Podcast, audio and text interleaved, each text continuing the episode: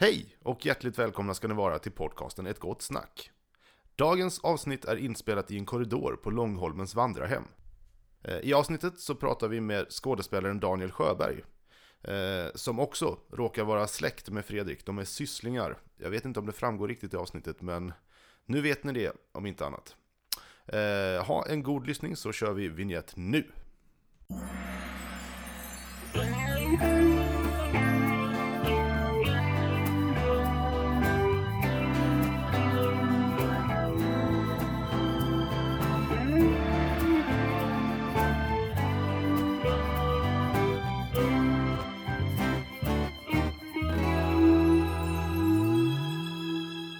Hej och välkomna till ett gott snack. Eh, idag har vi eh, gästas vi av Daniel Sjöberg. Välkommen till Långholmen Tack. där vi befinner oss.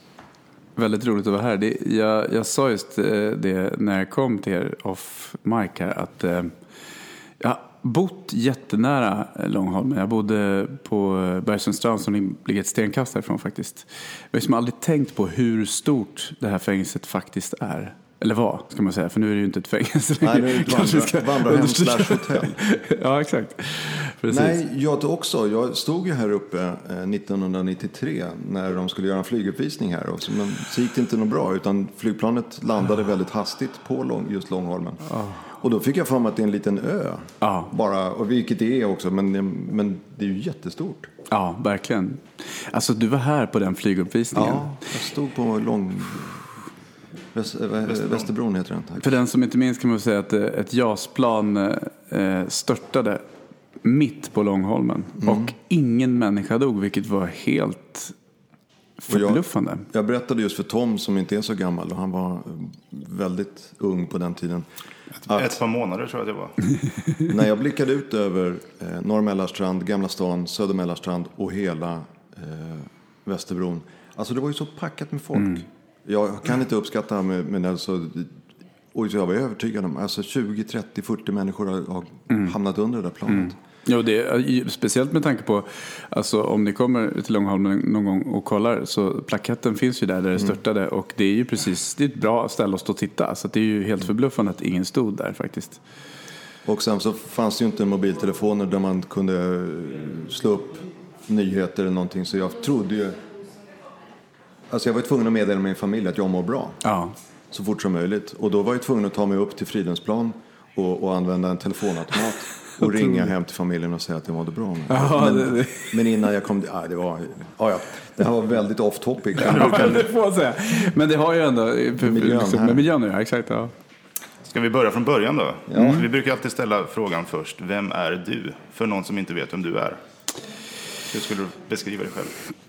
Ja, då får jag börja med att prata om vad jag gör då. Ehm, Eftersom det är väl oftast är det man börjar med när man börja beskriva vem man är. Även om det såklart är mycket mer. Men det jag gör i alla fall är att jag är skådespelare, sångare, regissör och numera även producent. Ehm, och jag eh, är utbildad på Teaterhögskolan i Stockholm så det är, det är skådespelare som jag har min formella utbildning till.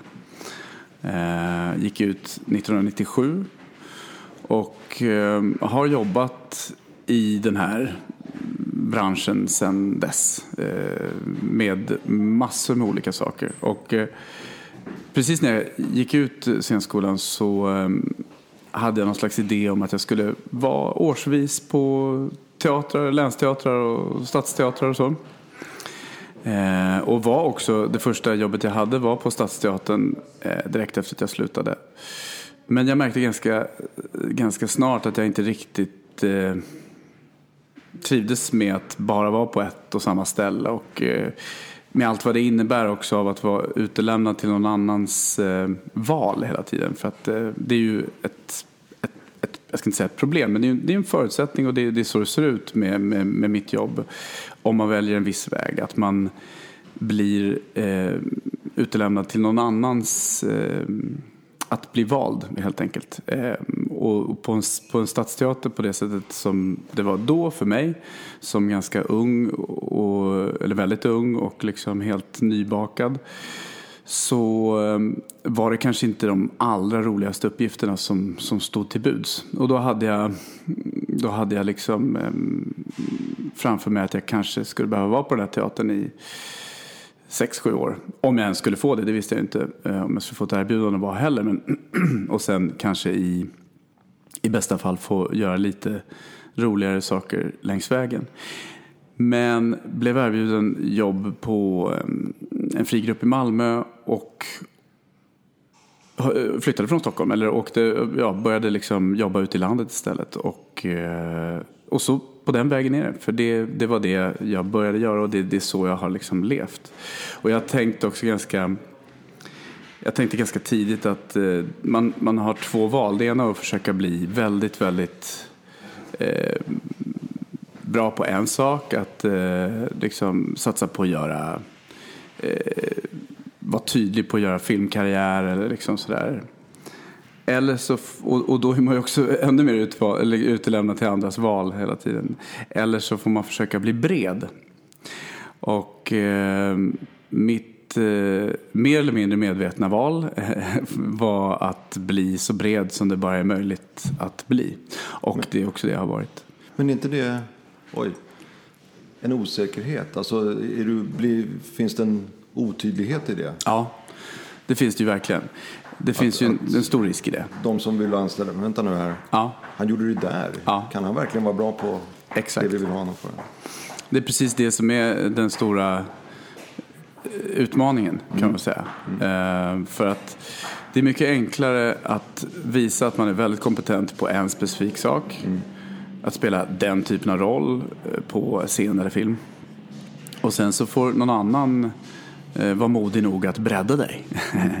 eh, eller du får tillåtelse att bredda dig utifrån det för att du har bevisat att du kan det där väldigt bra.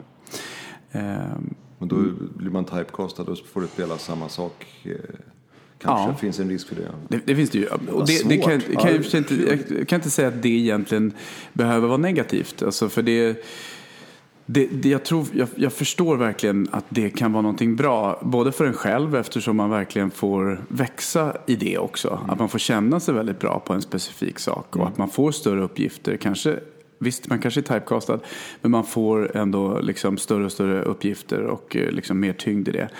Och det ger en självförtroende nog att också våga blomma ut och göra andra saker. Och då har man en, ja, en bättre plats att utgå ifrån. Men för mig var inte det där riktigt något alternativ. För jag kan inte säga att jag riktigt hade någonting sådär tidigt som jag kände att det här är jag exceptionellt bra på. Och det, här, det här vet jag är min eh, unique selling point eller så. Och det här ska jag utgå ifrån och det här ska jag bredda mig ifrån. Jag kände inte så. Jag har överhuvudtaget alltid varit, eller känt att jag har varit en late bloomer. Och eh, det är väl först nu egentligen, eh, när jag är 45, som jag känner att ja, men det här det här är det här är bra på. Det här, de här grejerna kan jag liksom eh, känna är sådana saker som är lite unika för mig. Och så. Jag väntar men... fortfarande på den känslan. ja. ja, men det, det... Jag, jag, är nämligen som du, fast i, inom mitt område. Då, alltså jag har gjort väldigt, otroligt mycket. Så jag känner igen mig, men jag, i ditt fall så en viss osäkerhet. För, hur hittar man nästa projekt? Du måste vara väldigt aktiv själv då. Ja och nej. Alltså... Um Nej, men jag, jag, tror att väldigt mycket handlar om sammanhang. Jag tror att, eh, att det handlade tidigt för mig om att hitta människor som jag tyckte om att jobba med och sen så utgå ifrån det och utveckla det därifrån. Sen tror jag också väldigt mycket handlade om eh, tillfälligheter och tur och eh, att eh, befinna sig på rätt plats vid rätt tillfälle. Men det, det jag kan känna som en, en bra sak med att göra mycket olika saker. Eller det som var en bra sak med att göra mycket olika saker redan från början var att jag fick ett otroligt stort kontaktnät. Mm. Alltså mitt nätverk är gigantiskt verkligen. Och eh, en kille som gick i min klass på Teaterhögskolan, han jobbade på Stadsteatern i tio år och sen så ville inte han vara kvar där och skulle börja söka sig utanför det huset. Och han hade inga kontakter, han hade inget nätverk. Så för honom blev det i princip omöjligt. Oj, ja. Så att, eh, det kan ju framstå som att det, att det är problematiskt att inte vara i ett och samma sammanhang. Men faktum är att jag tror att det många gånger har varit en styrka för mig att inte vara det också. Men apropå det där du pratade om tidigare, om, om otydligheten, det är ju ett problem. Därför att eh, det finns ju en hel del regissörer som ser mig som, som uteslutande teaterskådespelare, eller teater, alltså skådespelare, talskådespelare. Och så finns det andra regissörer och teaterchefer som ser mig eh, uteslutande som en eh, musikalskådespelare eftersom jag har gjort en del musikteater också. Eh, så inte nog med att jag har varit bred inom en, en del av den här, alltså tyckte, ja, skådespeleri då. Utan jag har gjort så mycket olika saker. Och sen som lök på laxen så började jag regissera för tio år sedan. Eh, mest eh, så regisserar jag de svenska rösterna till, till Disneys filmer, tecknade filmer, inte bara Disneys utan alla olika producenter. Men även en del scengrejer. Och det blir, då blir det också ytterligare en, en, en ska säga, splittring eh, i andras ögon. Och jag, jag kan förstå det där, för att jag kan ju själv uppleva det när jag eh, möter människor som är breda så kan man ju undra vad, vad är det egentligen som är deras grund? Eh, är det, är det, hur, ska, hur ska jag kunna identifiera det? Hur ska jag kunna förhålla mig till det? Så jag, jag förstår, vi har ju ett, ett väldigt stort behov av att sätta människor i fack och det finns ju inget eh, försåtligt eller negativt i det utan det handlar bara om att man eh, att man behöver det för att kunna förhålla sig till människor för att veta hur man ska liksom, interagera helt enkelt. Så det är inte alls konstigt egentligen. Men eh, jag vet ju, eftersom du och jag på något sätt har träffat varandra tidigare i livet, Aha. att det började inte 97 när du gick. Du var ju faktiskt väldigt aktiv. Och jag har skrivit lite för Tom att det på något sätt, jag var med där, hade finger med i spelet när du började på Oscarsteatern en gång i tiden. Ja, absolut. Ja, var det inte så? Alltså, minns jag rätt? Ja, jo, eller jag... Är det Fredrik som ligger bakom dina framgångar? Det är det som är frågan. ja, givetvis. Givetvis. Det skulle vara förment att påstå något annat. Eh, ja, men eh, det, det, på sätt och vis så, absolut. Fredrik, du, du hjälpte ju mig att få jobb på Oscarsteatern i Phantom of the Opera eh, var, 1990. Ja, var det så? Okej, okay, mm. var det så tidigt? Och jag hade precis gått ut eh, teater och musiklinjen på gymnasiet. Ah. Så jag... Eh, men man får nog egentligen gå tillbaka några år. För jag gjorde mitt första professionella eh, teaterjobb eh, 1988. Oj. På eh, eh, Ulriksdals slottsteaterkonferensen som eh, Kerstin Dellert drev då. Och de skulle göra sin första och vad jag vet enda talteaterproduktion där ute som en, en pjäs av eh, Gustav III faktiskt, som heter Siri Brahe. Nu vet jag inte om han skrev så mycket själv, men han står i alla fall eh, krediterad som dramatiker på det där verket. Och eh, den, det är en fransk pjäs som är omskriven till svenska förhållanden kan man säga.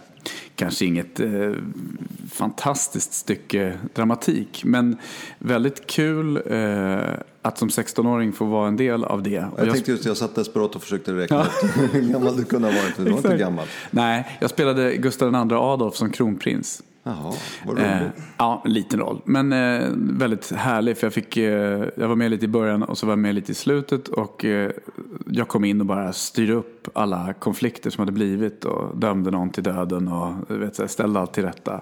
Pekade med hela handen som 16-åring. Så det var jättekul. Och fina kläder och en, en fantastisk sommar med bara Dramaten-skådespelare och liksom eh, en ensemble som var även statisterna var liksom så här, Mårten Klingberg som idag är eh, som filmregissör och, eh, eller statist kan jag säga, men, men eh, alltså, han hade inga repliker i alla fall, så var väl någon typ av figurant, det skulle väl Bergman ha sagt kanske. Och så. Thomas eh, Hedengran, alltså verkligen så här mm. supergäng med folk som, som gjorde okvalificerade saker då, men som idag är liksom, eh, riktigt tunga. Och sen då förstås hela gänget med Mattias Henriksson och Kristina Törnqvist, Olof Thunberg, alltså verkligen oj, oj, oj. superbra skådespelare.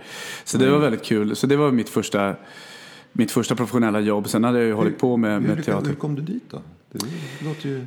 Ja, nu måste jag tänka faktiskt.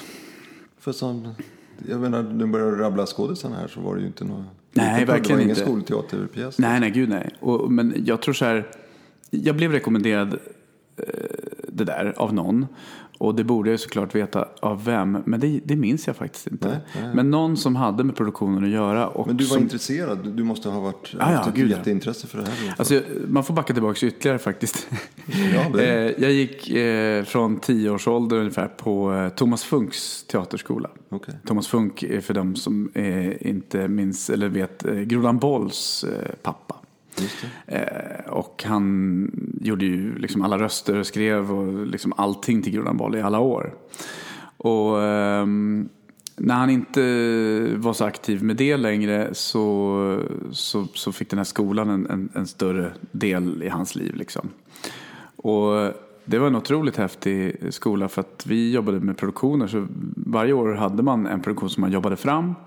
Som han skrev med egen, ny musik och allting. Helt fantastiskt. Mm. Och då var det liksom ett gäng ungdomar och barn. Från eh, 8-9 års åldern upp till eh, 16-17 någonstans. Det spannet.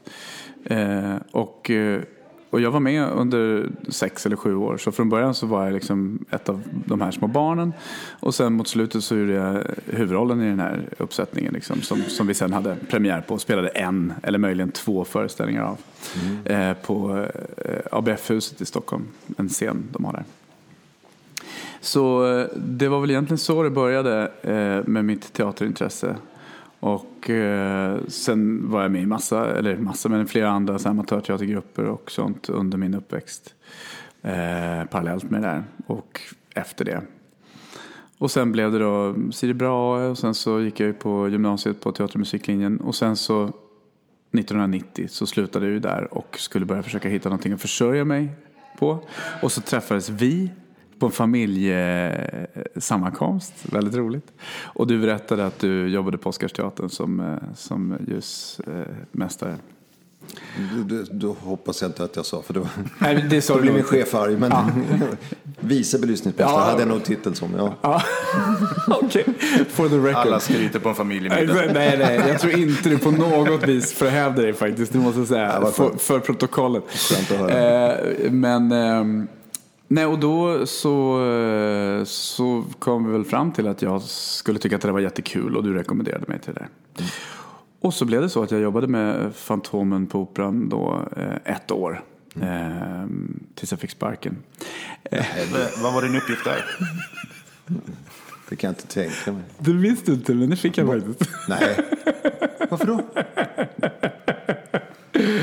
För att det här är preskriberat nu. Ja. Men eh,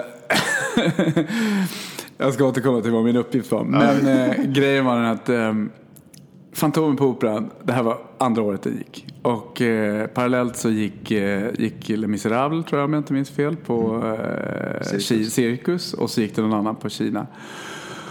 Och någon gång under det här första eh, halvåret så var det någon eh, framåt person bland eh, scenteknikerna som kom fram till att vi hade sämst lön av alla scentekniker i Stockholm och vi hade inte heller något avtal, giltigt avtal.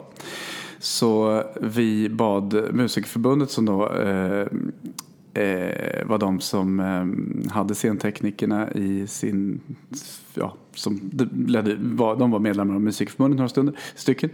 Och bad dem att ta reda på om man kunde förhandla om det här kontraktet. Men Sandrev som ägde Oscarsteatern då, de tyckte inte att det behövdes. Så de sa bara nej. Och då, Musikförbundet är kanske inte, det kanske inte är världens kaxigaste eh, fackförbund. Så de sa nej, de, de, de vill inte förhandla om. Så ja, hej då, typ. Ja. Eh, Jag minns att det var bråkigt. Ja, det, det var, det, ja, och det blev ju bråkigare. Därför att eh, sen så eh, var det ju då någon eh, progressiv person i eh, scenteknikerpersonalen som var med i Syndikalisterna och tyckte att det är toppen. Mm. Det är toppen. De är stridbara. De kommer, att, de kommer att engagera sig i vår sak. Vilket de ju också gjorde mer än gärna. och jag var ju då vid det här laget, får man ju också faktiskt säga, 18 år.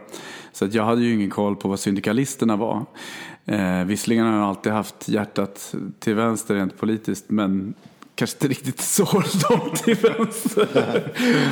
Hur som helst, de eh, är ju... Eh, eh, de, jag ska inte säga hur de är, men hur de var i det här fallet var ju att de var oerhört stridslystna och tyckte att vi skulle hota med strejk. Och vi skulle också engagera, försöka få med så många som möjligt i det här. Och jag tänkte, ja, Ja, det är väl bra. Vi måste ha ett avtal. Jag går med. Jag gick med i Syndikalisterna där. Så vi var väl en åtta pers som, som var med i Syndikalisterna förutom den här första personen som var med från början. Och så sa de, alla behöver inte gå med, Ni kan, alla andra kan sympatistrejka och det blir toppen. Och eh, så eh, eh, Ehm, kom den här, eh, och Sanders ville ju överhuvudtaget inte förhandla med syndikalisterna, vilket jag i efterhand kan förstå för att, ja, jag kan förstå det. Men vi hade ett låst läge och de vägrade att backa. De borde ju kanske ha sagt så här, vet ni vad, vi struntar i syndikalisterna, men vi kan komma överens om någonting med er. Alltså det, det hade ju varit det smarta. Men de hamnade i ett ställningskrig. Och de började också engagera skådespelarna på teatern och, så här, och liksom vända sig mot eh, scenteknikerpersonalen. Så det blev en polarisering som var väldigt onödig. Och eh, eh, det blev en strejk. Och de tog in folk för att täcka upp oss då, förstås. För jag menar, en föreställning av Fantomen redan då var ju liksom värd 200-300 tusen. Så det är klart att man inte kunde ställa in den. Det fattar jag vem som helst. Och det var väl inte, det tänkte vi nog inte att de skulle göra heller. Men det skulle ändå bli krångligt för dem. Liksom. Det var det som var vår ambition. Och när, när vi jag kommer inte ihåg detaljerna, men det, var, det låg lappar i våra fack i alla fall, vi som hade varit med i den här strejken, där det liksom stod att vi skulle infinna oss på möte och vi fick någon ordentlig uppläxning där och att vi inte, om vi inte, det här vi fick se det här som, vi, de försökte lockouta oss olagligt, så här, det var massa, massa, det är massa detaljer, herregud, ni får klippa bort det här för guds skull. Det, det, det var massa, massa gegg såklart runt det här. Det slutade i alla fall med att jag hade fått ett halvt löfte om att få ledigt två dagar i månaden eh, för att göra stand-up comedy som jag hade börjat med då. Mm. Eh, och eh, det var väldigt svårt att få ledigt för att det var väldigt komplicerat att ha ett vikariesystem bland teknikerna. För att Fantomen på Operan är kanske en av de mest tekniskt avancerade föreställningar rent scentekniskt med människor inblandade som Sverige hade haft då och jag tror faktiskt till och med senare också. Därför att det var så många, inte det att det var svåra moment, men det var så många moment som skulle göras. Och du var tvungen att befinna dig på exakt rätt ställe, exakt rätt sekund. Alltså det var verkligen kul, det var som en ballett bakom scenen. Och nu blev det här en, en berättelse om någonting tråkigt med det här. Jag tycker vi ska prata om det roliga sen, för det var verkligen en skithäftig upplevelse att vara med i det där. Men jag ska bara dra den här grejen till sitt, sitt slut i alla fall. Eh, för att eh, då så eh, fick jag reda på att jag skulle inte få ledigt de här två eh, tisdagarna i månaden som jag hade blivit lovad. Eh, och då lackade jag ur. Eh, och så sa jag, jag kommer inte komma hit på tisdag. Så är det bara. Och de sa, då kommer du att få sparken. Och då sa jag, okej. Okay. Mm. Och så eh, kom jag inte den här tisdagen och de trodde nog inte att jag skulle våga liksom, sätta det i verket. Men det gjorde jag. Eh, och sen så kom jag ihåg ett otroligt otrevligt möte där jag blev uppkallad på eh, kontoret till teaterchefen, den tekniska chefen och min närmaste chef tre män som var 10-15 år äldre än jag som liksom med hela sin tyngd. Och de hade också kört såna här fula grejer innan om att folk som var med på den här strejken och så här, de skulle ju förstå att de skulle bli persona non grata i branschen, både som tekniker och om de ville något annat i den här branschen längre fram. De hade skickat ut fax, som det var på den tiden, med våra namn till alla teatrar, att man inte skulle anställa någon av oss. Och så här, det var riktigt fula grejer. Alltså, jag, har ing, jag har minne av att det var bråkigt. Ja. Jag vet, vet att vi satt på scenen men jag har alla detaljer som du berättade är nyheter för mig. Men... Ja, det, var, det var faktiskt det var väldigt det var illa skött av dem. Sen kan man ja. säga att det var illa skött av oss också. Men jag får ändå säga liksom att vi var unga och naiva på något sätt. Att de borde ha insett det och liksom tagit det i beräkningen. För att de behandlade oss som, som att vi försökte sabotera och liksom de... Ja, hur som helst, det var, det, det var, det var geggigt. Men... Det, som, ja, det som jag tror var att det var, precis som du säger, det krävde väldigt mycket människor. Ja. Eh, man fick alltså in människor som inte var de här, eh, jag gör vad som helst för att jobba på teatermänniskorna som man var van vid. För det var ju jag, när jag anställdes några år innan Fantomen så var det ju så. inte du är intresserad av att göra jobbet, då står tio personer till där ute som är intresserade av att göra det bättre och för lägre betalt än vad du gör. Just det. Så det var det hotet hängande över en om man inte sköter sig. Nu var jag det var ju drömjobb för mig så det var ju inget snack om att jag inte Nej. skulle sköta det. Men... Nej, och jag menar det, det var ju även för mig, alltså hade det bara skötts på ett annat sätt så hade det verkligen varit så. Um, men, men om man bara pratar om det, det som, som var med det där så var det fantastiskt. Alltså att få befinna sig på, på teatern eh, och kväll efter kväll uppleva den här fantastiska föreställningen som det också var. Jag tycker ju fortfarande att eh, Mikael Samuelsson är den bästa Fantomen som någonsin har gjort den här rollen. Mm. jag såg ändå liksom hundra föreställningar någonting, eller såg ju inte men hörde. Och eh, hans sätt att gestalta att på allvar befinna sig i eh, liksom den givna omständigheten som han befann sig i, i den världen och göra det på det allvaret med den liksom, glöden, det är helt enormt faktiskt. Och även de andra, jag menar smårollerna, Bert-Åke Varg var jättehäftig i sin roll, liksom den här opera och, och alla alla runt omkring var fantastiska verkligen. Och det var en jättehäftig produktion att jobba med. Otrolig kamratskap och liksom eh, jättemycket folk ju, verkligen. Mm. Som har återträffar då och då. Mm. Eh, nu fortfarande. Mm. Och det är ju liksom, det är ju snart 30 år sedan, i alla fall som jag var mm. inblandad i projektet. Så vi har ju en Facebookgrupp som är ganska aktiv, framförallt de senaste dagarna här nu. Aha. Det har lagts upp eh, filmer och, och, från avslutningsfesten där du, du tyvärr inte får inbjuden. exakt, exakt. Men också från eh, reportage som eh, tyvärr så finns det väldigt få rörliga bilder från scenen.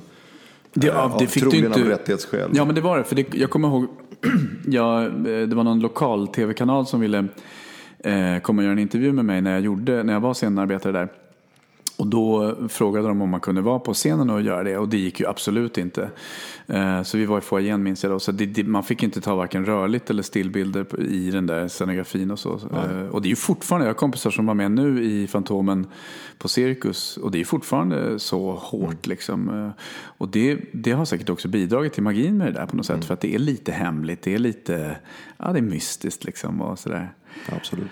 Nej, det, men det var, en jätte, det var en väldigt fin tid, eh, det måste jag säga. Eh, men var det här i samband med det, i samma tidsperiod som du fick ett erbjudande att vara med i en, i en tv-serie också?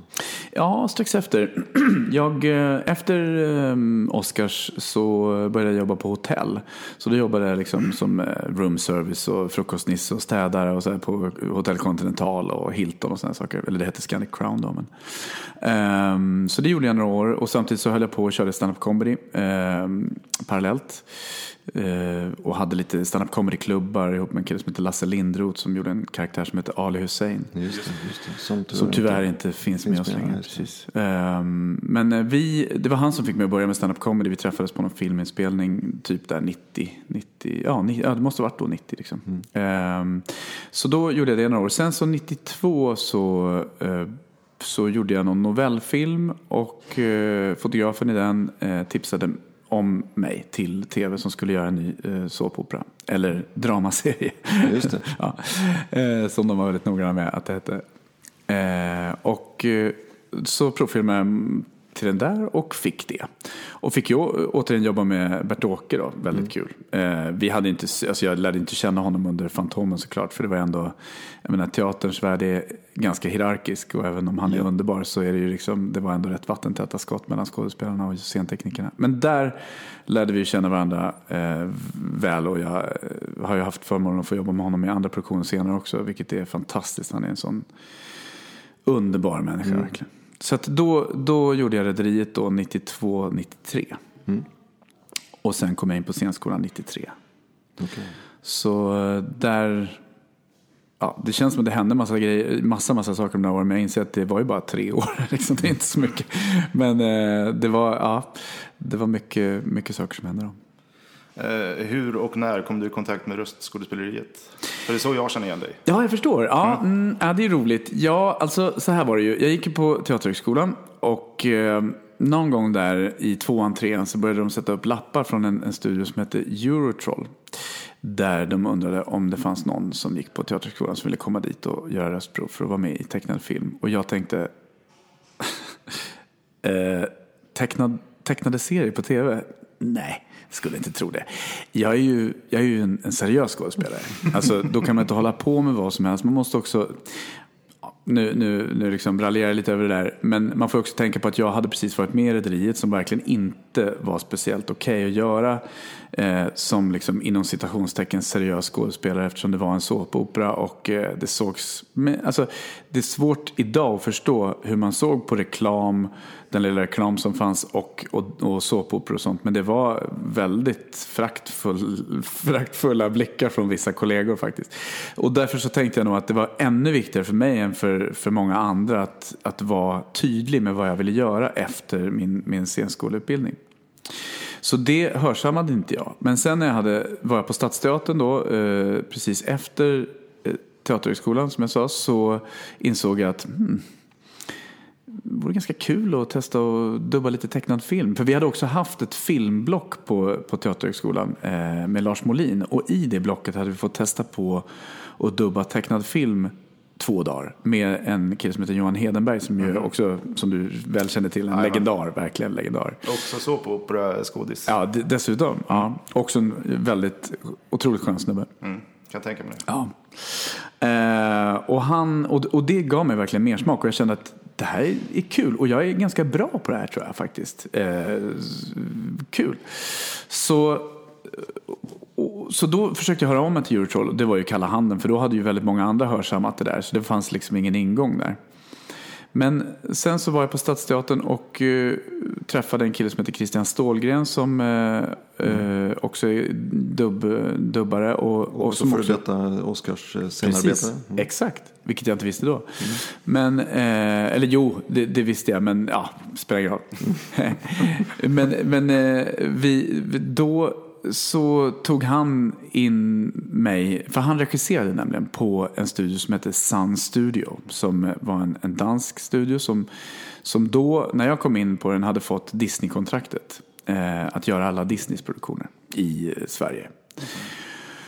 Innan det var det KM i Karlskoga som hade det, men, men eh, de hade precis fått det tror jag. Det här var slutet av 90-talet. Så då kom jag in via honom för att, eh, eh och, och han regisserade mig i några olika serier.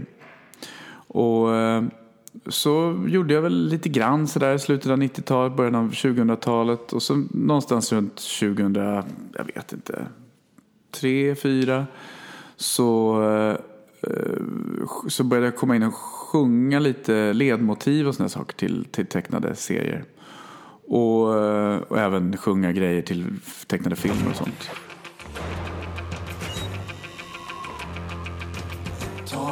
O'Reilly var utan chans Men så såg de att Flinko fanns De skickade en dollar, några mynt, fick en spionmamma och en knasig pappa med en studiös Ersättarna, ersättarna Så varje gång de träffar första som sen luras och surar och gör allting värdelöst Hej Flimko! Sir, vi behöver en ersättare. Och det fort! Så när de sen vill byta ut någonting, ändra om och stuva om kan det bli en aning skumt. Är de bättre, smarta, starka, friska, snygga, coola, även töntar små?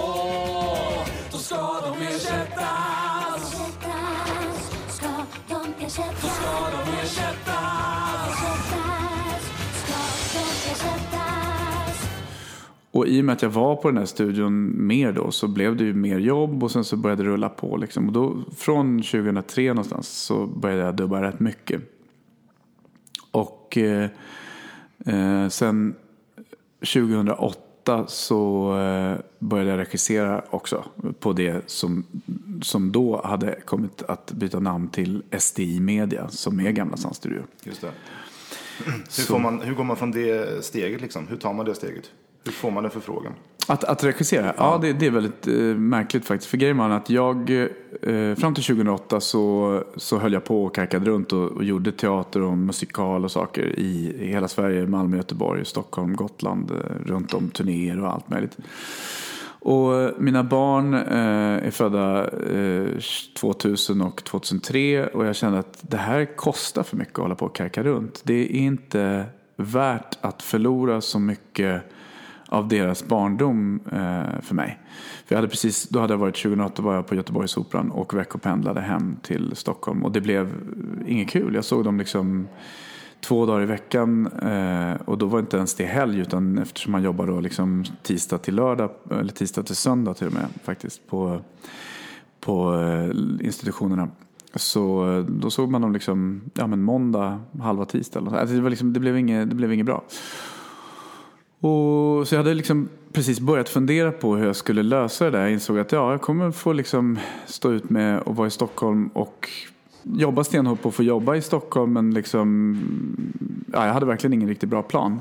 Då helt plötsligt så kom det en fråga från SD Media, eller Sound Studio som det hette då. Du, eh, vi håller på och eh, letar eh, ett, nya regissörer. Eh, Skulle du vara intresserad av att eh, få en internutbildning och sen regissera här? Som en skänk från ovan. Det var verkligen helt ma- magiskt. Så, så blev det. Så det var ren tur eh, att de ställde den frågan. För det är, annars är det rätt svårt. Det är klart, du kan ju söka det. Men det, det kräver ett specifik kompetens. Dels ska du liksom eh, ha väldigt bra kunskap kring dubbnings... Eh, har gjort rätt mycket dubbning själv tror jag. För att förstå liksom, processerna och hur de väldigt specifika förutsättningarna som råder för att eh, kliva in som skådespelare i det där båset. Men jag, jag är nyfiken på, vad, hur, hur går det till? Du är regissör, du har en film framför dig. Alltså din uppgift där är att coacha skådespelarna att låta som originalet? Alltså, Nej. Jag förstår inte riktigt. Nej, jag förstår. Nej, jag förstår. Eh, alltså min, min uppgift, man brukar ju säga lite skämtsamt att, att eh, regi handlar till eh, 80% om casting. Eh, och det stämmer ganska bra faktiskt. Men du, som regissör så kastar du också då? Ja, precis. Alltså Det är ju- tillsätter rollerna för, Ja. på svenska? Precis, och det är ju egentligen det som är liksom min, egentligen min viktigaste funktion faktiskt. Mm, eller 50-50 kanske man ska säga. Det, är liksom, det, gäller ju, det gäller att hitta rätt röster och då handlar det jättemycket om att dels har jag väldigt mycket röster som jag eh, jag är ju galen, jag lyssnar på röster överallt. Jag är liksom helt skadad av det där. Ja. Mig med. ja, roligt. Ja, men det, det, man blir ju det. Och, eh, så, så jag har ju, liksom, det låter ju helt koko att säga, men mitt huvud är fullt av röster. det låter som att jag är schizofren. Men eh, det är inte alls det det är såklart. Men jag har ju enormt mycket liksom... Du är på eh, rätt ställe. Ja, exakt. Långholmen exakt. Ja, precis. Nej, men så då, då, då, processen går ju till så. Om det är en film till exempel. Att, eh, eh, då har man först och främst ett möte med eh, producenten. Där man sätter sig ner och eh, eh, först har jag sett filmen då och så, så sätter jag mig ner och pratar med dem och ser okej, här har vi de här rollerna. Eh, I huvudrollerna kanske de vill ha då det som vi kallar eh, för inom citationstecken namn. Och det kan de ju vilja ha för att de vill göra PR med de personerna eller bara för att de vill ha deras tyngd. Liksom. Och då pratar man såklart om, ja, men utifrån den aspekten. Så här. Och då är ju mitt jobb att försöka se till att visst, eh, det kan vara att de vill ha den där specifika rapkillen. Liksom. Och så måste jag på något sätt se, kommer det att fungera? Eh, det kan ju fungera jättebra. Eller så kan det bli väldigt problematiskt. Och då eh, kan jag redan där försöka säga så här, men jag, jag har jobbat med honom och det, det, det blev si och så här. Eh, och det vill jag bara att ni ska veta innan vi går vidare i processen. Och eh, då kan det vara så att de säger, ja ah, men okej, ja, men då skippar vi det kanske. Eller så kanske de säger, ja ah, men vi vill ändå höra ett röstprov på honom. Och då så, så, så tar man fram eh, någonstans mellan tre och sju personer som man liksom vill ha in på röstprov. Och så gör man, eh, och, och det där är en konsensusgrej där man sitter och pratar om det. Liksom, att eh, de kommer med input på folk som de tycker är bra och jag kommer, det är mest jag som kommer med input på som, sådana som jag, som jag föreslår för rollerna. Och sen kan det finnas specifikt att en viss skådespelare har gjort eh, Hugh Grant till exempel, den svenska rösten, eh, hans grejer. Och då kanske man vill ta in det i beräkningen också. Nu tog jag det bara för att jag har gjort Hugh Grant på svenska. Men, men eh, alltså det kan ju vara, det finns ju, det är många skådespelare som, som återkommer och gör grejer i olika projekt. Och då försöker man väga in det också, även om inte det är jätteviktigt så tar man i alla fall kanske in den personen på röstprov. Sen efter det så är det en röstprovsvända där jag liksom, eh, tar in dem och har ett röstprovsmaterial och jobbar, prövar mot det specifika materialet som vi ska jobba med. Och då handlar det inte jättemycket för mig om att hitta eh, att de ska låta som originalet faktiskt. Men det handlar jättemycket för mig om att de ska ha samma typ av energi som originalet. Och eh, i förlängningen samma riktningar och så såklart. Och, och då eh, riktningar, alltså viljor, vem, vad de vill ha ut av dem de pratar med. Så här. En vanligt, vanligt gestaltning egentligen. Skillnaden här är att du har ett original att förhålla dig till så det är klart att du du kommer ju att bli färgad av det när du ställer dig i studion. Och det ska du bli också. Men du ska inte känna dig tvingad att förhålla dig till originalet eh, som det kanske var för 20 år sedan att du verkligen skulle jobba på att låta spot on som originalet. Så jobbar vi inte längre för att eh, man har insett att det blir en viss begränsning i det. Så jag försöker eh, liksom hitta människor som har samma energi, samma mm, ska vi säga, färg eller liksom så på rösten som originalet. Men som kan göra sin egen, egen grej av det och att vi kan hitta en egen väg i det som funkar. Liksom. Och då handlar mitt jobb i studion väldigt mycket om att kontextualisera. Därför att jag sitter ju inne med hela filmen eller hela avsnittet av tv-serien och förstår, vet exakt var börjar det här, eh, vad är problemet och var kommer vi att hamna någonstans på slutet. Det vet ju inte de som kommer in för de har aldrig sett filmen, de har aldrig sett manus, eller de har aldrig läst hela manuset innan de kommer till studion. Ibland kan man be att få det, eh, det finns vissa skådespelare som, som har dyslexi och så här. Då, då, och då kan man få, eh, i alla fall inte hela manuset, men man får sina scener. Så att man åtminstone får liksom, men även om, du, även om du får dina egna scener så så kommer du ju inte ha hela kontexten klar för dig.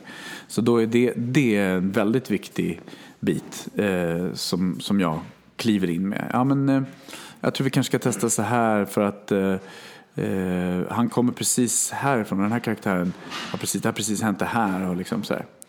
och även om det är helt galna grejer som, som händer i en tecknad film som kanske inte skulle hända i verkligheten så är det ju ändå liksom och, och personen kanske spelar en zebra så är det ju ändå eh, mänskliga reaktioner som den här zebran ska ha. Liksom, Ja, och, och förhålla sig till. Alltså mänskliga relationer i en zebras kropp. Liksom, sådär. Du är en zebra. Exakt. Du är rädd för mörker. Ja. Precis. Men hur... Det här kanske är en svår fråga att svara på. Jag bara blir... Jag själv skulle ju varit... Haft problem. Det här är min kompis. Jag vill jättegärna att den här kompisen... Jag vill klia honom på ryggen för att han har hjälpt mig tidigare. Christian Stålgren för fasen. Ja. Klart du ska ha den här rollen. Är det svårt att skilja på det? Eller du får hjälp i och med att du har en producent som, som, som också har sitt eh, att säga till om? Eller? Jag har inte så svårt att skilja på det. ehm, Nej, vad skönt. Vi Nej, men jag, jag tror inte det. det därför att det, det, det är klart var inte meningen jag, att sätta dig i nej, men jag, jag förstår... precis, Christian. Nej, men jag förstår precis vad du menar. För att det är klart att det, det, det är en uppenbar risk Mm. eh, såklart. Och det har väl hänt, det har hänt ska jag säga, att, att eh, liksom, jag har tagit ett beslut om någon för något som kanske inte helt och hållet har grundats på att den passar bäst för rollen utan kanske haft sådana eh, i början av min liksom, dubbregikarriär. Men det, det brukar ofta backfira för att använda Mm. någon slags anglosaxm. Eh, Därför jag kan tänka mig att det är jobbigt också om du, varför fick inte jag den där rollen? Alltså att det kan komma sånt också. Nej, för jag har nämligen varit med på auditions när jag hör ehm, vad ska man kalla? Jag ska inte peka ut någon, men en person viskar i örat på regissör och producent att det- känner den här personen, hon är punktlig, hon, kommer, hon är jätteduktig, hon är jättesnäll. Som kanske inte har med rollen direkt att göra, utan Nej. att mer att det här är en trevlig person. Ja, nu, just de sakerna som du sa där, är punktlig och snäll och kommer tid. Det, det är ju i och för sig bra, det är ju väldigt viktiga grejer. Även eh, så här, alltså speciellt kanske vad gäller dubbning faktiskt. Men även annars. Men det kan, jag förstår precis vad du menar, för det kan ju absolut handla om att man säger så här, den här personen är, är jättebra. Jag såg honom eller henne göra det här och det var fantastiskt. När det kanske inte riktigt är så. Det är väl mer det kanske som är problematiskt. Och det är klart att det finns en slags eh, problematik med det där i, i alla branscher, det tror jag. självklart. Samtidigt så, så, för jag kommer ihåg när jag var yngre så hade jag alltid ett problem med det där att eh, eh, folk valde människor som de hade jobbat med tidigare i alla sammanhang, filmer och som på teater och eh, sådär. Men jag har liksom insett det ju äldre jag har blivit att det, betyder, alltså det bygger så otroligt mycket på relationer återigen. Alltså, Hur jobbar just du och jag ihop Tom? Liksom, hur, hur funkar vi ihop? Ja men vi klickar verkligen för du fattar vad jag menar när jag säger så och jag fattar vad du menar när, när du säger så till mig. Det går snabbare, det blir bättre, vi berikar varandra, vi, vi blir lite bättre. Alltså ett plus ett blir tre lite grann. Eh, och det, det tror jag är en, en väldigt viktig sak att komma ihåg. Att det handlar, och då handlar det inte om svågerpolitik eller liksom eh, att man tar in polare utan då handlar det om att det blir bra, det blir bättre liksom. Jag menar jag jobbar ganska mycket med en, en eh, nära vän till mig som heter Göran Gillinger eh, som också har dubbat jättemycket och eh, han är min bästa kompis. Och eh, tittar man på, om man skulle titta på grejer som jag har castat så ser man att han, han är väldigt, eh, jag castar honom väldigt mycket. Och då skulle man kunna utifrån säga att ja, men det där är någon slags fågelpolitik, det där, eller det där är för att de är bästa polare. Men det är inte det faktiskt. Därför att jag får honom att göra grejer som jag inte får någon annan att göra. Är, vi har så otroligt högt i tak oss emellan. Så jag kan, jag kan be honom om vad som helst och det blir ingen eh, surstämning eller så. Och samma sak med honom och mig, för han regisserar också. Att vi kan liksom eh, kliva in, hoppa in på en högre nivå om man ska ta någon slags höjdhoppsreferens. Liksom. Eh, vilket gör att det blir ett mycket bättre resultat. Eh, men det är klart, tittar man på det utifrån så kan jag nog tänka mig att folk som sitter och tittar på, skulle titta på en castlista säger så här, men hallå, hur, hur är det här? Det här ser inget bra ut. Liksom. Nej. Så, eh, ja, nej men jag tror nog faktiskt att eh, jag eh, faller inte i den fällan längre i alla fall, det kan jag säga. Vi måste också nämna, jag vet att Tom skulle kunna sitta och prata om dubbning, men du har något projekt där du sjunger Mm. duvemåla. Vad- Berätta lite om det. det, för det är ganska aktuellt nu. Ja, absolut. Vi, vi håller fortfarande på eh, med, mm, vi har fortfarande en, en bit kvar på, på höstturnén. Det är en, en eh, musikal highlights-föreställning som heter Från Broadway till Duvemåla. Som eh, turnerar nu, det här är fjärde säsongen den turnerar. Och vi har spelat mer än 40 föreställningar. Eh, det är, jag tror att det är 22-23 000 personer som har sett det vid det här laget. Och eh, det är en otroligt häftig föreställning. Den är, det är fyra solister och ett jättebra band och lokala körer. Och så turnerar vi i hela Sverige. Så vi, ursäkta, vi, så turnerar vi i hela Sverige. Vi turnerar eh, från liksom Ystad till eh, Umeå i alla fall. Det är väl det högst, det har varit högst uppe.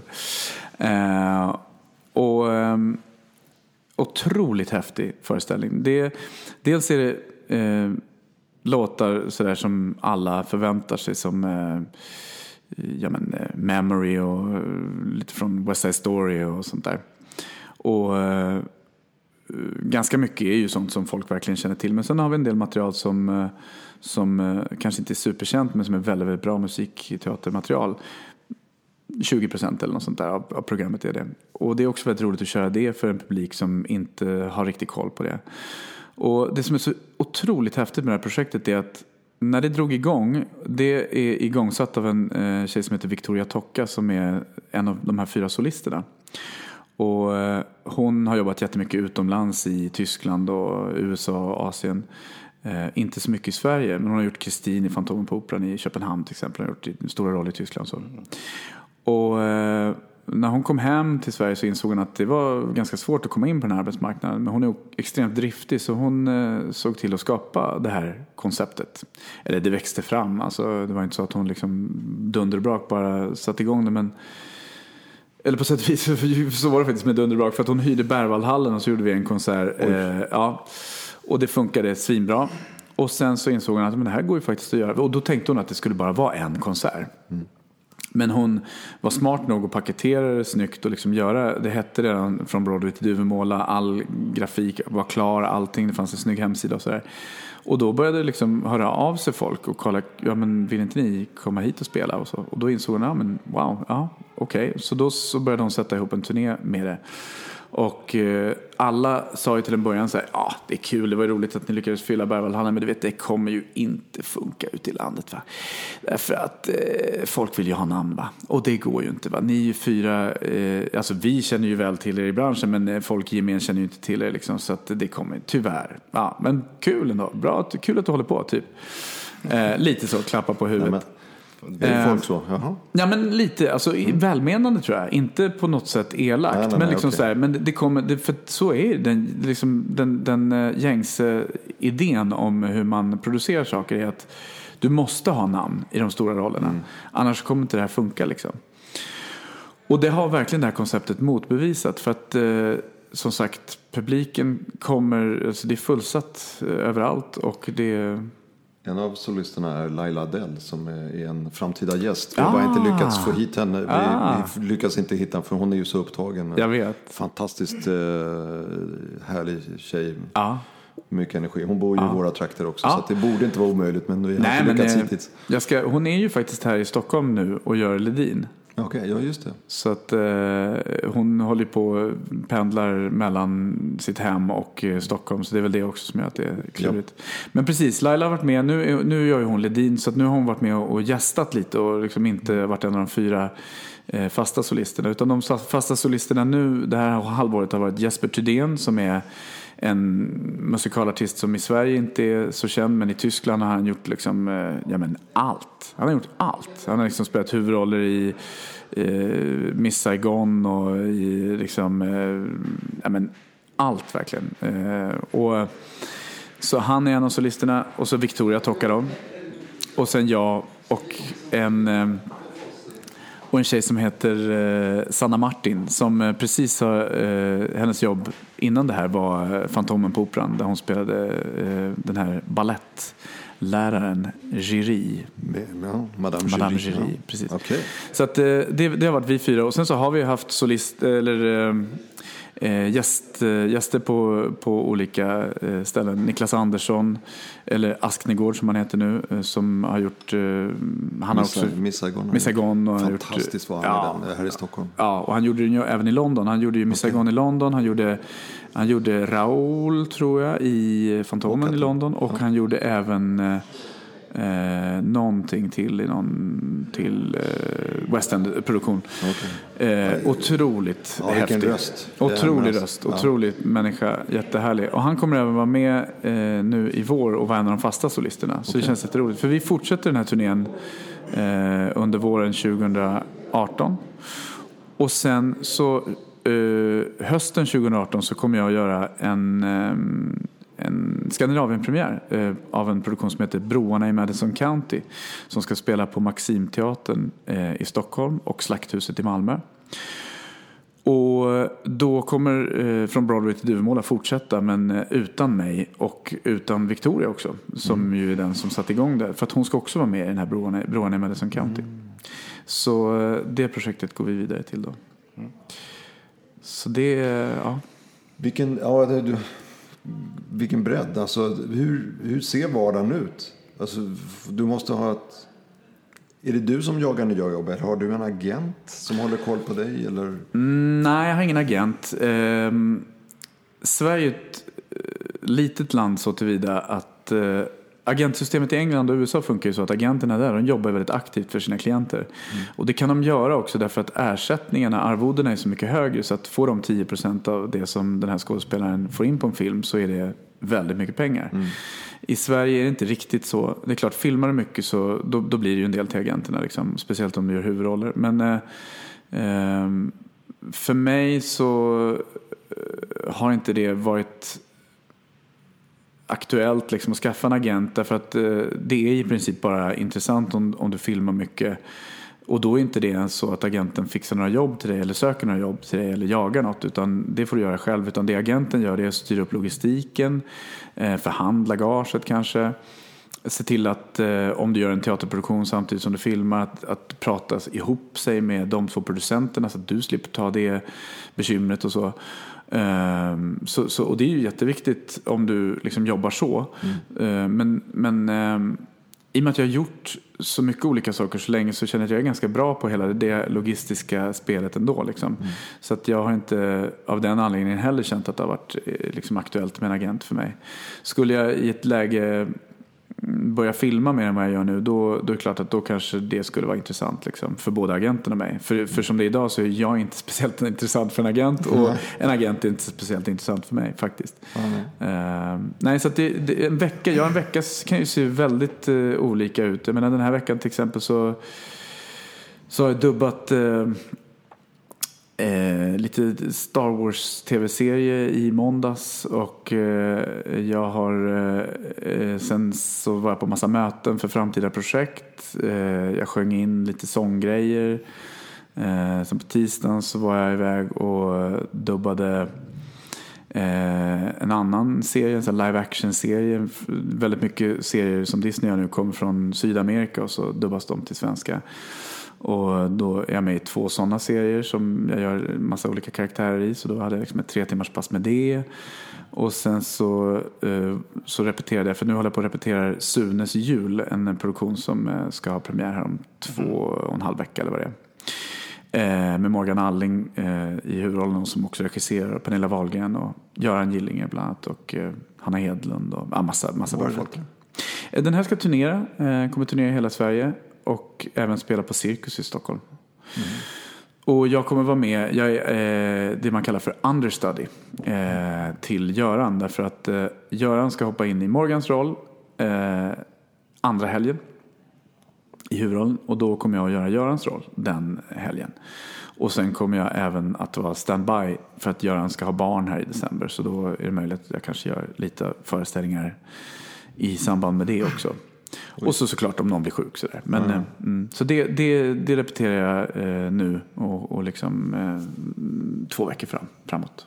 Kul. Mm. Så det, och sen så har jag dubbat lite andra grejer eh, vid sidan av förutom det här som jag gjort nu. Plus att jag eh, har som sagt ännu fler möten för framtiden för, för andra projekt. Titta på din väska. Du måste ha en kalender som är rejäl. Liksom.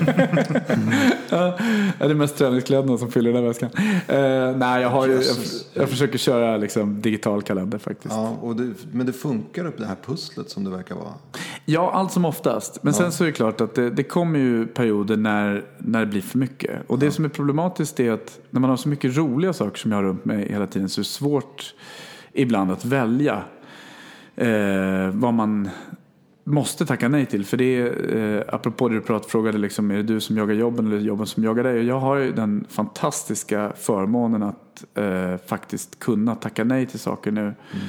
Men det är inte helt eh, enkelt för att eh, det är så roliga saker alltihop. Så det är svårt faktiskt att bestämma vad man ska tacka nej till. Ehm, men eh, det blir ändå tvunget till för att när det då eh, blir för mycket då mm, det har hänt nu på senare år. Man märker också att, man, att jag blir äldre. Liksom, att eh, jag kan inte riktigt pressa in fullt så mycket som jag har gjort tidigare i livet. Utan jag måste bli bättre på att liksom, freda mig själv, freda liksom, tid för bara kontemplation och liksom, ta det lugnt.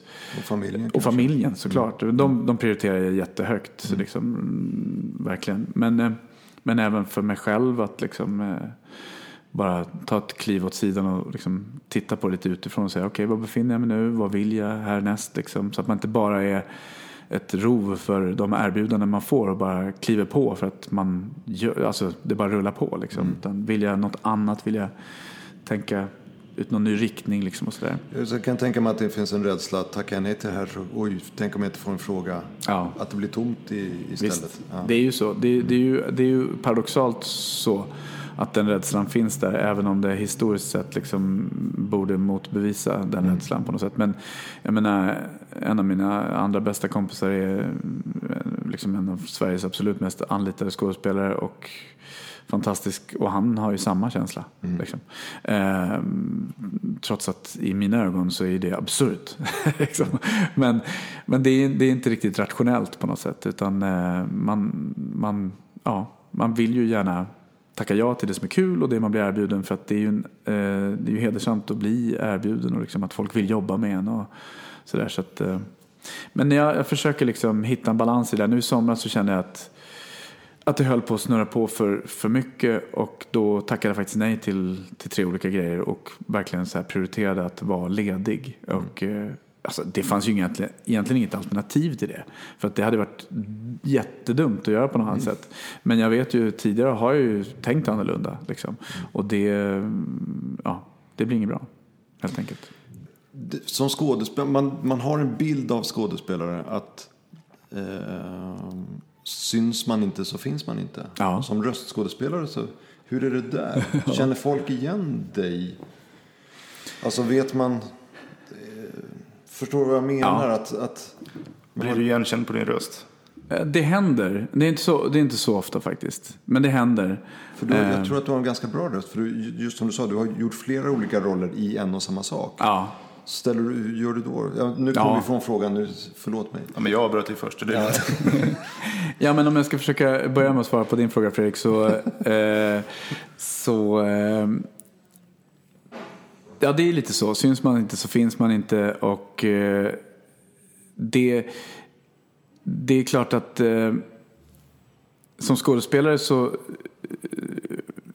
så kan ju folk vara så här, ja men eh, vad händer med honom liksom? Eh, eh, och det är lite speciellt för just det här yr- yrket. Därför att i vilket annat yrke som helst, yrke som helst så, möjligen bortsett från politiker eller något sånt där, så, så så är det ju ingenting som folk funderar över. Ja, men de tänker väl att man gör väl det man har gjort. Alltså man, man tänker så här, träffar jag en, en person som jag träffade för fem år sedan, då tänker jag att han gör väl det han gjorde för fem år sedan. Men träffar man en skådespelare som man inte har sett på tv eller film, då tänker man att den personen kanske har, ja vad vet jag, eh, börjat jobba med något annat, eh, alternativt något mycket hemskare som drogat ner sig och liksom är på dekis. Exakt.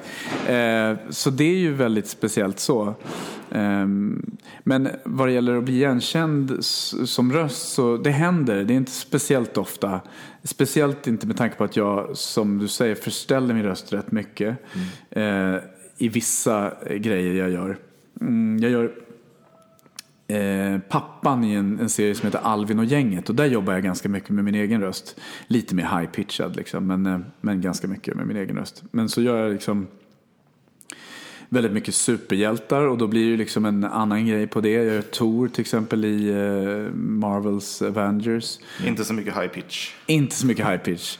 Och, och sen gör jag också Hulken i Marvels Avengers och även i Hulkens egen, egen tv-serie. Och där kan jag säga att det finns ju ingen som skulle kunna känna min röst på det. För det är, det är liksom något helt annat. Och det är också skräckblandad förtjusning man ställer sig i studion och gör det där. Därför att det är så oerhört krävande för rösten alltså. Nej, jag som känner dig och som dessutom jobbar på biograf Ja. känner ju inte igen din röst utan jag måste ju läsa eftertexten. ja, men titta, Daniel var med. Så att, eh, Ja. Sen ska vi säga som röstskådespelare, som, i och med att jag gör mycket, liksom, jag dubbar kanske 200 timmar om året eller något sånt där. Give or take. Eh, beroende på år. Det låter men mycket, ja. Det, det, det är mycket. Men, eh, men jag gör ju väldigt lite eh, så här, högprofilerade projekt. Mm. Därför att eh, dels så regisserar jag ju ganska mycket långfilm själv och jag är ju aldrig med i mina egna projekt. I alla fall inte när jag jobbar med Disney. Apropå det här med, med svågerpolitik så får jag ju inte kvasta mig själv. Liksom. Det, och det gör jag inte. Det, Får inte eller vill inte. F- eh, Får inte faktiskt. Ja, okej. mm. Sen har, f- det händer att jag jobbar med andra producenter, mindre producenter eller andra producenter som inte alls ser det på samma sätt. Och då händer det faktiskt, har det hänt en del att jag har varit med i mina egna projekt. Jag gjorde en film som heter Box Trolls eh, som är en fantastisk film. Eh, som en brittisk så här, stop motion eh, eh, film som kom för några år sedan. Där, där jag eh, kastade in mig själv som ett av röstproven eftersom en, för- på, på grund av att en skådespelare inte dök upp. Och sen råkade jag få den här rollen. Och det var ju jättekul för det var en skitkul roll verkligen. Och eh, det funkar väldigt bra. Alltså jag regisserar ju mig själv när jag står i studion som dubbare eh, jättemycket eftersom jag vet så väl vad jag skulle vilja ha ut av mig själv om jag satt på andra sidan glaset. Så det funkar rätt bra. Men jag tycker samtidigt att det finns något bra i att jag inte gör det i 90% av mina projekt ändå. För att eh, det, blir, det blir ändå ah, oftast ska vi säga bättre att man liksom tar ett kliv tillbaka för det är svårt att liksom få den här riktiga spetsen på. det har jag inte förstått skådespelare som är med gör huvudroller i sina egna filmer. Och Nej. som regisserar själva. Jag tror, tror att det, det är väldigt lätt att bli blind då faktiskt. Då, be, då behöver man ha någon annan, till exempel om du filmar, att du, att du liksom jobbar med en first assistant director eller någonting som verkligen är riktigt skarp och som kan säga, ingen ja-sägare utan som säger så här, nej men det där, där måste du nog ta om för det tycker jag nog att du liksom klev över eller klev under eller så. Eller en fotograf som kan göra det. Eller i dubbsammanhang då med, med en eh, regisserande tekniker eller en tekniker som du liksom kan bolla med och säga så här, funkade det där? Ja, jag vet inte, ska vi ta en till? Alltså att man liksom hamnar där någonstans. Eh, nej men eh, så, nu kommer jag bort lite från frågan. Men eh, jo, nej men jag, jag, det, det jag höll på att prata om var i alla fall att eh, jag, inte är med, jag, jag är inte med i jättemycket biofilmer. Nej. Eh, för att det ofta är så att man, och är jag med i biofilmer så är det oftast väldigt, väldigt små grejer. Alltså, då gör jag kanske liksom eh, bilförsäljare 2 och eh, nej men du vet, eh, Zebra 4 och liksom så här. Ja, men lite så, därför att, och, och då handlar det mer om att de behöver ha in någon som kan göra jättemycket olika röster så det inte hörs att det är samma person. Som kanske bara är en replik per roll i princip. Mm. Så det, det, det, det ska väl inte säga att jag är med i få biofilmer. Jag är med i ganska många biofilmer faktiskt. Men jag, jag gör liksom inga stora grejer. Så att de folk frågar, är du med i någon biofilm? Ja, jag är med Ja, fast det kommer du inte ha hört. Och så, den, nej, fast, nej, ja, nej, jag är inte med. Nej, nej, nej. Det sådär. Lite så faktiskt. Men eh, det är kul, jag, liksom, de gånger man är det och gör det så är det ju roligt för det blir ett tydligare avslut. Lite grann som att jobba på teatern. Att, eh, Gör du en tv-serie då kommer den att rulla och du kommer aldrig se den. Därför att den bara rullar iväg på tv och det är liksom, barnen ser det ju. Och, och de kan ju upp- alltså, i bästa fall då, uppskatta väldigt mycket och sådär. Men du får inget riktigt avslut. Medan om du gör en biofilm så blir det ju som en premiär och du får liksom, ja det finns där och folk tittar på den här specifika filmen hemma om du är med i liksom, ja vad det är, Frost eller vad, vad det nu är liksom så här, som folk tittar på jättemycket eller så, så blir ju det en, en, en, en, en tydligare avslut, en tydligare, tydligare cirkelslutning på något sätt. Liksom. Jag tänkte på att fråga förut men det glömde jag bort.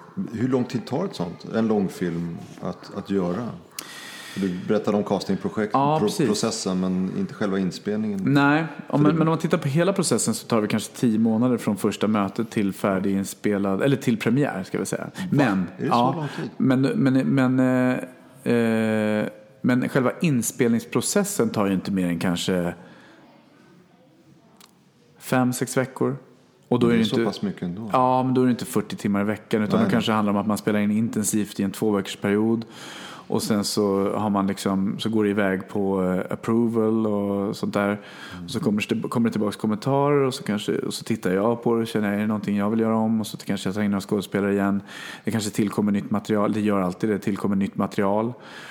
För när man jobbar med en, en långfilm till exempel så kommer materialet uppdelat i eh, olika versioner. Så att den första versionen jag ser, där den är inte ens animerad ofta. Alltså bitvis animerad. Och att men du ser redan på någon slags Ja. eh, bildmanusstadium. Ja, då, vi- bi- bitvis är bildmanus, bitvis är anime- animerat beroende på lite grann vad det är för projekt också. Just, ju hemligare projekt desto tidigare version får jag se och då vill de inte släppa de färdiga versionerna förrän så sent som möjligt i processen. Det handlar inte om att de inte har kommit längre utan det handlar bara om att de är så extremt eh, liksom, rädda för att det ska läcka ut. Mm. Sådär. Och då får jag en, en watermarkad kopia där det står liksom så här Daniel Sjöberg, vilket innebär att om den skulle läcka ut, då skulle det vara my ass liksom. nej, men, eh, nej men jag får en watermarkad kopia så att liksom, om den skulle av någon mystisk anledning läcka ut så skulle det vara my ass on the line verkligen. Tufft. Eh, hur gör man om man vill bli röstskådespelare? Ja, den här frågan får jag ganska ofta. Och ehm, Då har du kanske ett bra svar. Jag vet inte om jag har det faktiskt. Ehm, Jag tror att Christian eh, Hedlund, som, ju, som ni ska prata med också, eh, på sätt och vis kanske är en bättre person att ge ett bra svar på det. För han kom ju in förhållandevis sent i den här branschen. För att oftast kan man säga att det är så att ehm, det kommer ju, det kom, man måste ju ha nya barn hela tiden. För att barn, alltså barnens röster är ju bara barn den tiden de är barn. Och eh, ganska kort brintid. Så det handlar liksom om någonstans mellan tre och sex år beroende på liksom, eh, sådär, när de kommer in och hur deras röstkvalitet är och sådär. Eh, och så blir det ju ofta så att en del av de där barnen eh, fortsätter att dubba. Och så, för de har ju fått en enorm rutin. Alltså de, deras synk som vi kallar då, med när, när röst och munrörelse ska liksom sitta ihop är helt enastående. Just för att de har gjort så mycket. Det sitter i ryggmärgen och de har också lekt in det på ett sätt. För det är det som är kul med att jobba med barn. Att det blir väldigt lekfullt och härligt och, och liksom lustfyllt. Sådär. Eh, det är bara då det kan bli bra. Eh, du kan ju såklart ha barn inne i studion och liksom piska dem och göra jättemycket repliker men det blir inte något bra. Liksom. Utan du måste, det måste lekas fram, det måste vara kul. Och då, då blir det ju så att de fortsätter att dubba ganska ofta, eh, även som vuxna. Eller inte ofta, men en del av dem gör det. Och då, då blir, fylls det ju på hela tiden med nya röstskådespelare den vägen. Och sen kommer en del från, eh, från olika teaterutbildningar, alltså sådana som går ut och som så. Men det, eh, det är väldigt mycket svårare att komma in som eh, 25, 30, 35-åring i branschen eh, när du inte har någon eh, liksom, eh, gedigen eh, skådespelarbakgrund. Det, det, även, om du är duktig på röster och liksom bra på att imitera och liksom eh, kan göra mycket olika så, här, så är det, det är svårt att våga satsa på en sån person eh, för att det krävs en sån enorm bredd. Du ska både ha liksom gestaltningen och skådespeleriet och eh, funny bones i bästa fall. Eh, alla behöver inte ha det, men det är ju en fördel. Det är jättebra om du kan sjunga. Eh, och du ska kunna hantera tekniken i studion med liksom engelska i lurar och dig själv och en bild med originalet och ett manus som du har framför dig och en tidskod som du ska följa och nivåer i lyssningen. Alltså det är jättemycket saker att ta in i beräkningen. Det är inte svårt eh, egentligen i det avseendet att det är precis som allt annat går att lära sig givetvis. Om du har en musikalitet. För att har du inte det så är det jättesvårt. För att det bygger så mycket på att du ska väldigt fort omfatta hur lång en replik är. Och förhålla dig till det. Och sen kunna vara fri och göra din egen grej i det. Så att du inte känner dig låst av originalet och sådär. Så det är mycket sådana saker. Men, eh, och och därför är det svårt att svara på hur gör man för att bli röstskådespelare. Jag tror att man eh, liksom måste ligga på väldigt mycket mer än vad som är bekvämt för en själv.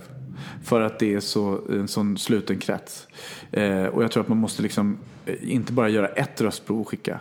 Utan jag tror att man behöver göra liksom ett gäng röstprover. Och sen så ligga på och någon gång per halvår liksom höra av sig. Hej hej, här är jag. Jag vill gärna komma in. Det vore kanon. Jag kommer jättegärna in och liksom vet, testa något litet. Eller så här, verkligen Eh, det, det tror jag liksom är enda sättet att, att, att, komma in och verkligen entusiastiskt visa att man är super, super, super sugen. Och sen också vara tydlig med, jag tror att det här är mina, eh, det som jag har på pluskontot för att, varför jag tror att jag kommer fixa det här. Liksom. För att jag är stresstålig, jag, eh, jag, jag är beredd att liksom, eh, lära mig nytt. Jag, ja, liksom, jag är prestigelös, jag vet så här, massa sådana saker och verkligen framhäva det.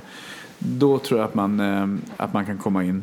Men som sagt, det är inte helt bekvämt. Jag tycker att det är jättejobbigt personligen att höra av mig till människor, speciellt om det är en människa jag har, har hört av mig till som har sagt ja men toppen, eh, vi hörs. Mm.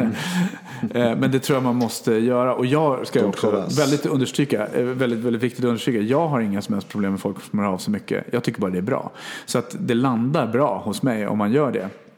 Men därmed är det inte sagt att jag kanske kan ge personen som gör det jobb för att det är klurigt. För, jag, för att för min, från, min, från mitt håll så för att jag ska våga ta in en person på jobb så måste jag ha gjort röstprov. Och vi gör inga generella röstprov längre. För det finns inte eh, tid för det helt enkelt. Det är för, för pressat från liksom produktion till deadline. Så det vi gör är att eh, vi gör röstprover till specifika projekt. Då försöker jag ta in folk som jag är intresserad av att lyssna på. Men då kanske jag bara får ta in tre pers. Och då finns ju risken att jag känner att Nej, men här måste jag satsa på tre säkra kort för att liksom försäkra mig om att få ett bra resultat. För den här rollen är lite för stor för att ta in en rookie som kanske skulle få det för att den har en väldigt bra röstlikhet med, med eh, originalet men som sen inte alls eh, kan hantverket. Liksom. Mm. Så det var ett långt svar på en, och ett långt tråkigt svar på en, en, eh, en härlig fråga. För, för vi behöver också ha in nytt folk i dubbranschen. Alltså det, det, det är jättehärligt när det fylls på. Och jag försöker verkligen tänka så att jag försöker plocka in eh, åtminstone en ny person i varje projekt. För att det ska liksom finnas eh, en påfyllning. Och, så. och alla är överens om i branschen att det behöver fyllas på. Problemet är att Många säger ja, fast vi kan inte och det, du vet så här, liksom, från, produ alltså från producenthåll då. Så att, ja. Men som sagt, ligga på positivt och liksom bara visa det här, det här vill jag och det här. Och sen en ytterligare tråkig sak är ju att det är bra att bo i Stockholm. Mm. Därför att det är så tajta puckar. Och ibland blir det så här, ja nu kom det en, en ändring här och den måste ske idag. Eh, och då kan det vara så att man känner, ja men jag kan flyga upp och jag kan säga så här, men det blir lite för osäkert liksom. Så att eh, tyvärr, är det, där är det en Stockholmscentrering som är svår att, eller en Stockholms, ja, som är svår att, att, att komma runt tror jag faktiskt. Jag tittar oroligt på klockan. Det är hur mysigt som helst men eh, Vi brukar avrunda med att fråga framtiden. Du nämnde att redan nu så vet du att i höst ska du vara nere Slakthuset respektive Maxim. Maxim. Och göra broarna. Är det det längsta du ser? Är det ett år fram i tiden kan man säga? Ja, det, det är det väl egentligen. Eh, Jag har lite lösa förfrågningar och en del egna planer på vad som skulle kunna eh, hända 2019. Jag vet inte så mycket, eller jag kan inte säga så mycket om dem, men eh, jag har en slags idé om att kanske producera lite mer eget, eh, både med mig själv och med andra i framtiden också. Att liksom bredda ut mig och gå den vägen. Vi får se vad som händer med det. Men, eh, så det finns lite planer för 2019 och sådär också. Jösses. Men, eh, ja. Ja, men så du, du ser med tillförsikt, alltså det är inte med oro för framtiden utan Nej, du verkar verkligen. ha full orderbok så att säga. Ja, nej, men eh, så, så, mycket, så mycket som det nu liksom går. Nu ska man veta det med, med broarna i Madison County också. Den är jag med och producerar. Så det är ju verkligen ett... Ja. Så det, det har vi inte alls pratat om. Men det är ju, en, eh, det är ju ett gigantiskt projekt som tar liksom mycket tid i anspråk redan och kommer att fortsätta att ta mycket tid i anspråk. Och väldigt spännande. Eh, otroligt lustfyllt. Både att spelaren ska bli fantastiskt. Men också väldigt roligt att, att producera den. För det är någonting nytt liksom. Ja, producent tror jag. Alltså det är en helt annan typ av roll. Ja. Tror jag. Är inte det mycket mer nerver och, Jo, på sätt och vis. Eh, alltså, och mycket det, det, jobb? Det är mycket jobb. Men alltså det kommer sig av... Det, det, nu har vi ju... Jag ska ta det snabbt. Men jag, jag, jag, började, förra året så producerade jag en välgörenhetsgala på Oscarsteatern. Som vi hade lite kontakt då i, i samband med det. För en fredsorganisation som heter CSV. Som, eh, som, eh, som vi båda också har liksom varit delaktiga i. Och eh, det är fredsläge för barn över hela världen. Och det hela går egentligen ut bara på att man ska träffas och liksom se att oavsett var man är ifrån och hur man ser ut så är man likadana. Vi är människor allihopa som tänker likadant. man kan bli vänner med alla. Man kan bli vänner med alla och det att de- oavsett religion och liksom, eh, Hudfärg, ja, hudfärg visst. allt. Jättehäftigt. Men då anordnade jag eller producerade jag en välgörenhetsgala på Oscarsteatern förra året. Eh, I en tradition som höll på fram till 1990 men som sen avstannade. Eller 88 var det kanske. På just Oscarsteatern. Ja. Mm. Jag var med på den sista. Ja, du var det. Ja, just det. Och, och då kände jag att ja, men det här, för jag kände, mina barn har åkt iväg med CSV båda två. Jag kände att det, det, det vore fint att, att liksom kunna ge tillbaka något och engagera mig i det. Så då gjorde jag det. Det var ett projekt som apropå kraft och sådär höll på att totalt dränera mig. För att jag, jag, jag var så nära att gå in i väggen efter det som jag någonsin har varit. För det gjorde jag i princip själv. Jag hade en referensgrupp som hjälpte mig eh, och de hjälpte mig jättemycket. Men jag drev projektet helt och hållet själv. Eh, från liksom eh, ax till limpa. Och eh, det blev en fantastisk kväll med otroliga artister. Liksom, eh, Lil Bubs och Sharon Dial och liksom, eh, Blackness Allstar. Jätte, alltså verkligen fantastiskt. Jonas Karlsson och eh, jätte, jättebra folk verkligen. Häftigt. Och han som lovade att hjälpa till med ljuset dök inte upp. nej, nej, så var det inte alls. nej, men det, det blev jättehäftigt och eh, så. Och då kände jag ju med det där att, eh, att eh, ja, men det, jag kan ju alla de här bitarna faktiskt. Eh, och eh, även om det var väldigt mycket jobb så var det inte svårt på det sättet som jag någonstans hade föreställt mig att det skulle vara. Jag, jag höll på att gå in i väggen. Vi gör det igen. Ja, men, eh, då- får man ju ta med sig varför det blev så. Och I mitt fall var det så för att jag, jag, jag pressade in det där trots att jag in, alltså, gjorde ingen tid för det. Jag jobbade liksom 500-600 timmar med det där nattetid. Och eh, så. Eh, och, eh, och sen så var galan en söndag kväll. Eh, jag var med och hjälpte till att ta ner allt ljus och ljud till halv två på natten.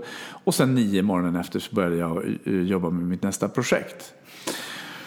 Och då var ju inte det speciellt smart. För att det fick ju till följd att liksom jag, eh, ja, min kraft var slut helt enkelt. Och jag borde ju ha lagt in en veckas en vecka off för mig själv för återhämtning. Så det är väl bara så att det är väl det man bara får lära sig att det finns, man kan göra allt men man måste ta med sig eh, erfarenheter från de misstag man gör och det, det gjorde jag verkligen där. Så att, eh, nej jag fick blodad tand. Eh, inte kanske att göra det på exakt just det sättet men att göra det igen. Så när den här möjligheten dök upp så, så, eh, så högg jag på den. Och jag tror att jag eh, i en framtid kommer att göra det igen. Liksom. Inte att på något sätt växla om till det, men att kunna göra det också. Liksom. För att, eh, och ytterligare välja själv och liksom inte vara ett rö för vinden i någon annans, liksom, ja, någon annans värld, någon annans val. Liksom. Så det, det, ja, det är väl det liksom, man kan säga om framtiden. Nu eh, brukar vi då avsluta med, det är din replik egentligen. Daniel Sjöberg, tack så jättemycket för att du var med i podden. Tack snälla, vad kul att vara med. Jätteroligt. Ja, det var allt för detta avsnittet med Daniel Sjöberg. Tyckte ni att det var ett trevligt avsnitt får ni jättegärna gå in på vår Facebook-sida och gilla den. Vi finns även på Instagram och på www.ettgottsnack.se. Jag hoppas att ni har haft ett trevligt jul och nyår, så ses vi nästa år igen med massa nya avsnitt. Puss och kram!